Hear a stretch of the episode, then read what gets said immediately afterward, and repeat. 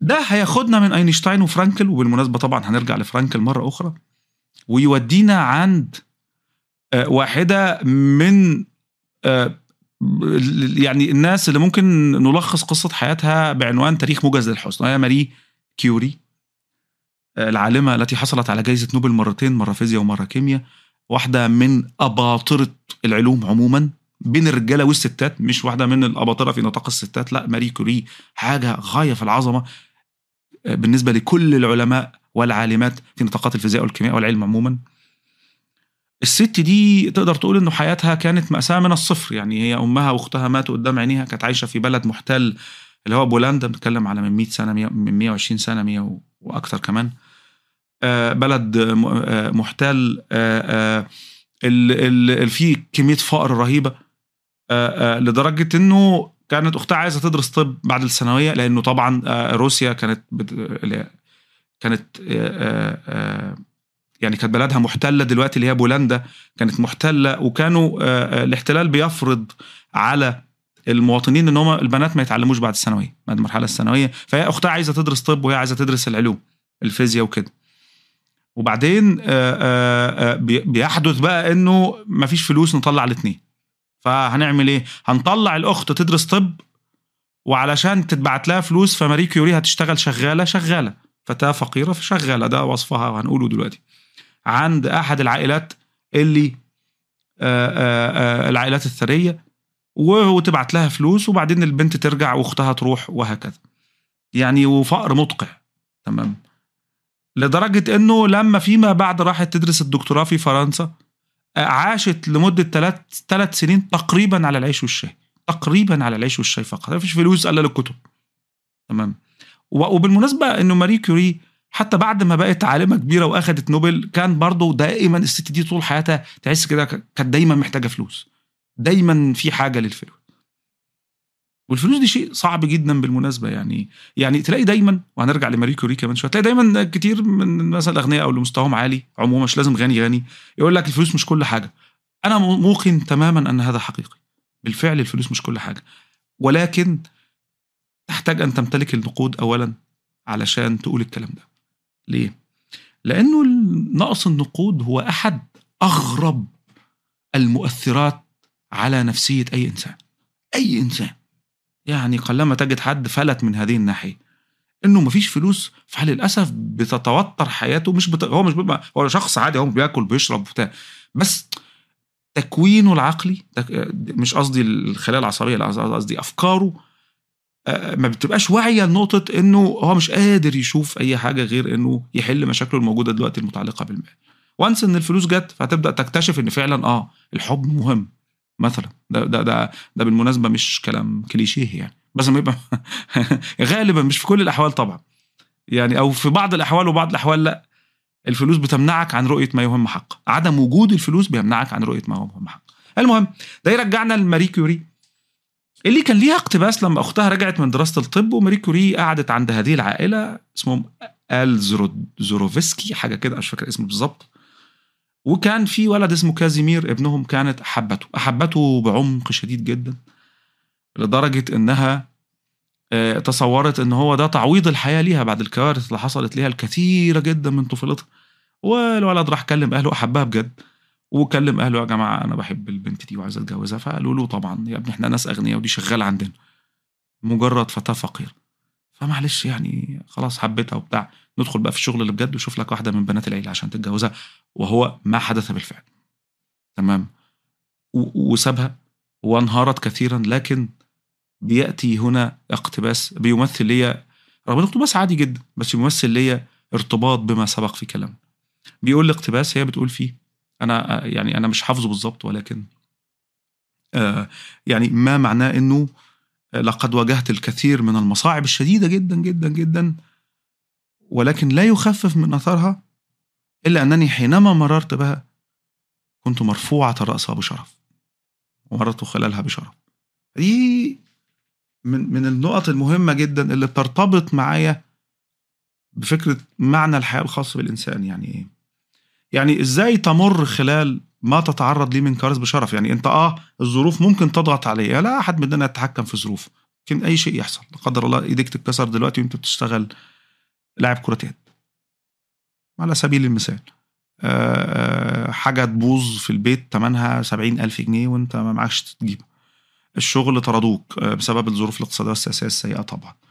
مشاكل بالجملة ممكن نتعرض ليها. إحنا لا يمكن على رأي فيكتور فرانكل أن نغير القدر والا لما سمي بالقدر هو بيقول كده. ولكن ممكن نغير موقفنا من هذا القدر وإلا لما كنا بشرا وده اللي بيقوله فيكتور فرانكل في النقطة دي. وهو ده اللي عملته ماري كوري إنه هي تعرضت لمصيبة شديدة في في في في شيء في الحب وهو شيء بالمناسبة كبير جدا وقوي في حياة الإنسان يعني. يعني الكثير من العلماء بل في إجماع في الوسط العلماء نفسه إنه إنه العلاقة ما بين الرجل والمرأة الحب الارتباط موضوع مؤثر جدا في حياة الإنسان جدا. يعني حتى ألفريد أدلر كان بيقول إنه لا يتحكم في حياتك وإيجاد معنى لحياتك إلا ثلاثة أشياء العمل والحب أو الحب المنتظم ودعم المجتمع إفادة المجتمع. ف... ف...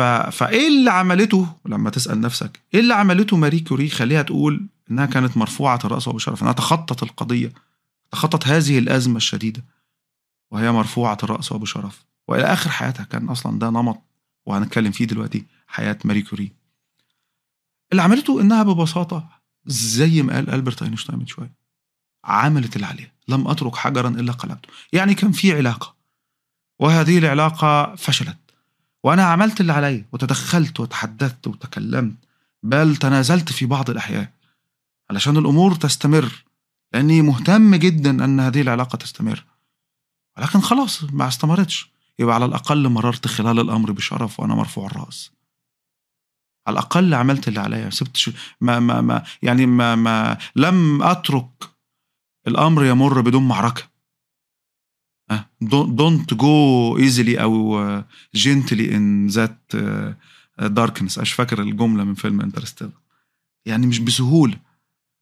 تعرضت لظرف ما لكني آه ممكن أكون تعرضت للظرف لكني على الأقل عملت اللي عليا فيه. والواقع إنه ماري كيوري تحديدا وبالمناسبة هي بتنطق ماري كوري بس بتحط كسرة صغيرة تحت الكاف. تبقى حلو تبقى لطيفة لو عملت كده. نطقها شبه دقيق يعني وكل واحد يستحق إنه ننطق اسمه زي ما هو كان بيتسمى بيه. وبالمناسبة يعني من الأخطاء اللي بتحصل كتير في نقل الاسم النقل من العربي للإنجليزي من الإنجليزي للعربي. فاينمان مثلا اسمه ريتشارد فاينمان إنما إحنا بنحط فاينمان كده فاللي بيقراه من العرب فيقرا يعرف إن اسمه ريتشارد فاينمان هو ما اسموش اسمه. ريتشارد فاهم وبرضه فيلسوف العلم مرة كنت في أحد التجمعات الغربية يعني مش مش وبقول الفيلسوف لاري لودان. قالوا لي مين لاري لودان ده؟ اسمه لاري لاودن. ليه؟ لأنه إحنا لودان بالألف كده. وأنا أعتقد إنه يفضل نستخدم أدوات التشكيل في المترجمين يستخدموا أدوات التشكيل في كتابة الأسماء. فانا بكتب ماري كوري نحط كسره تحت الكاف الناس تعرف تنطقها قريبا من الصح. أنا نفسي مش بنطقها صح. المهم بسبب الكثير من المآسي التي تعرضت لها ماري كوري ومن بعدها نشوف برضو ماكس بلانك في هذا السياق. تعلمت كوري نقطة مهمة جدا نقطة غاية في الأهمية في رأيي وهي إنها تركز على ما هو مهم حقا وتترك بقية الأشياء. هو إحنا يعني في بعض الأحيان بيتطلب الأمر مأساة لتعلمنا. مش لازم مأساة بس يعني في بعض الأحيان إنه نهتم بما هو مهم حقا وماري كوري تعرضت من للمآسي بدرجة خلتها فعلا أولا تهتم بما يهم حقا اللي هو شغلها. وحتى حتى كانت تقول في أحد اقتباساتها في كتاب بالمناسبة هوس العبقرية الحياة السرية لماري كوري كتاب لطيف جدا. وأنا أحب كتب السير اللي زي دي وأقراها وبستفيد منها. وده طبيعي. أنت راجل بتحب العلم فهتحب العلماء وتقرأ عن شخصياتهم طب أنت راجل بتحب الفلسفة فهتحب الفلاسفة وتقرأ عن شخص. تحب علم النفس هتقرأ عن نيتشه هتقرأ قصدي عن فرويد هتقرأ عن أدلر هتقرأ عن فرانكل وأعمال فرانكل وهتقرأ عن شخصيات الناس دي وحياتها وهكذا. تمام؟ وهكذا في كل نطاق في الأدب في ال في ال في الدين في ال في كل نطاق. اللي بتحبه بتحب تقرأ عن شخصياته. فأنت لما بتقرأ عن شخصيات العلماء في نطاق العلم اللي أنت بتحبه ده ال science مثلا فعلا بتجد أشياء ملهمة. يعني ماري كوري تلهمك بهذه النقطة إنه الحياة ليست سهلة على أي واحد منا ولكن ماذا سنفعل؟ هي بتقول كده ده اقتباس حقيقي منها. تمام؟ هعمل إيه؟ خلاص الدنيا مصيبة سودة. هعمل إيه؟ ما لازم أشتغل. يعني إذا كانت هناك محساة مأساة ونحن في غمار المأساة. دعنا على الأقل نحسن أوضاع المأساة. ودي حاجة غريبة جدا. نقطتين نتعلمهم من ماري كوري في النقطة دي. النقطة الأولى هي التركيز على ما يهم حقا لدرجة إنها كانت لا ترتدي إلا لبس واحد. طبعا أنت فاكر إن مارك زكربيرج أو ستيف جوبز هم الناس بس اللي بيلبسوا نفس التيشيرت. ستيف جوبز كان دايما يطلع بالأسود والجينز. لا أول من بدأ الموضوع ده كان ماري كوري. كانت بتلبس دايما فستان أسود. كان لها اقتباس مشهور في هذا الموضوع. أنا مش فاكره بس كانت بتقول إذا كنت يعني بتحبني قوي وعاوز تجيب لي هدية والهدية دي هدوم فرجاء تجيب لي توب أسود طويل ألبسه وأنا شغال. أنا ما ألبسش الكلام الفارغ التاني ده كله. تمام. دي قد تبدو مبالغة بالنسبة ليك وعادي. ما مش كل الناس مطالبين يعني يعملوا كده ولا حتى عدد قليل من الناس ولا يعني ده هم ما فيش كتير يعني. ولكن هي قالت لك أنا يعني خليني أعمل اللي أنا بعرف أعمله. وحتى كانت دائما تقول في اقتباساتها برضو إنه أنا مش مهتمه باللي حصل أنا مهتمه باللي هيحصل. يعني مهتم مش مهتمه باللي أنجزته أنا مهتمه باللي هنجزه. آه خلينا نشوف الشغل فيه إيه ونركز. وقد يكون ده مش مظبوط بالمناسبة مش مش دايما الفكرة دي صح مش دايما الاهتمام بما تعمل عليه صح. أنا بس بنقل لك فكرة إنها وجدت شيء يحسن أوضاع المأساة القائمة في حياتها ماري كوري شهدت الكثير من الناس حتى يعني نوبل الأولى كانتش تحصل عليها. حصلت عليها بالصدفة. مش مش بالصدفة لأنها ما كانش ما كانش تستحقها. لا ده هي كانت تستحقها. بس هم اتفقوا عشان هي امرأة ما تحصلش عليها. لجنة نوبل.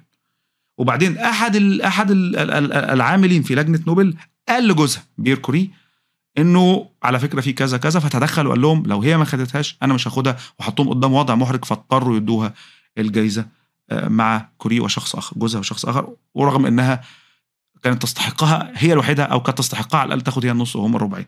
تمام؟ النقطة الثانية حتى جائزة نوبل الثانية كانت في علاقة مع رجل بعد وفاة جوزها وكان تشهير وأخبار خطفت الرجالة يعني كانوا بيسموها خطفت الرجالة في المجتمع الفرنسي هناك وقتها. وجائزة نوبل كلمتها وقالوا لها ما تجيش تاخدي الجائزة علشان أنت يعني الأيام دي في الأمور يعني في اضطراب. كانوا خايفين على سمعتهم قالت لهم لا طبعا إيه الكلام الفارغ اللي بتقولوه ده مالها الجائزه ومال الانجاز العلمي أنا عندي عملت إنجاز علمي يستحق جائزه نوبل؟ آخد جائزه نوبل مش دعوة بمشاكلي. ويمكن بسبب الموقف اللي حصل مع كازيمير الولد اللي حبته والموقف اللي حصل ده والكثير من المواقف اللي لها علاقة بعلاقتها بالناس طورت كوري ما أظن إنه ال happiness pill كبسولة السعادة في رايي الشخصي يعني اللي هي عدم الاهتمام لا تهتم لآراء الآخرين. يعني حتى كانت تقول دايما كن أكثر اهتماما بالأفكار أقل اهتماما بالناس. لأنه الناس دائما هتعطيك رأي لو جريت ورا الناس هيعطوك آراء يعني تحيرك. يعني ده يعني يعني لا تهتم لآرائهم ولا حتى لثنائهم ولا حتى لنقدهم إلا إذا كان النقد مفيد في نطاق عملك. ده موضوع تاني يعني.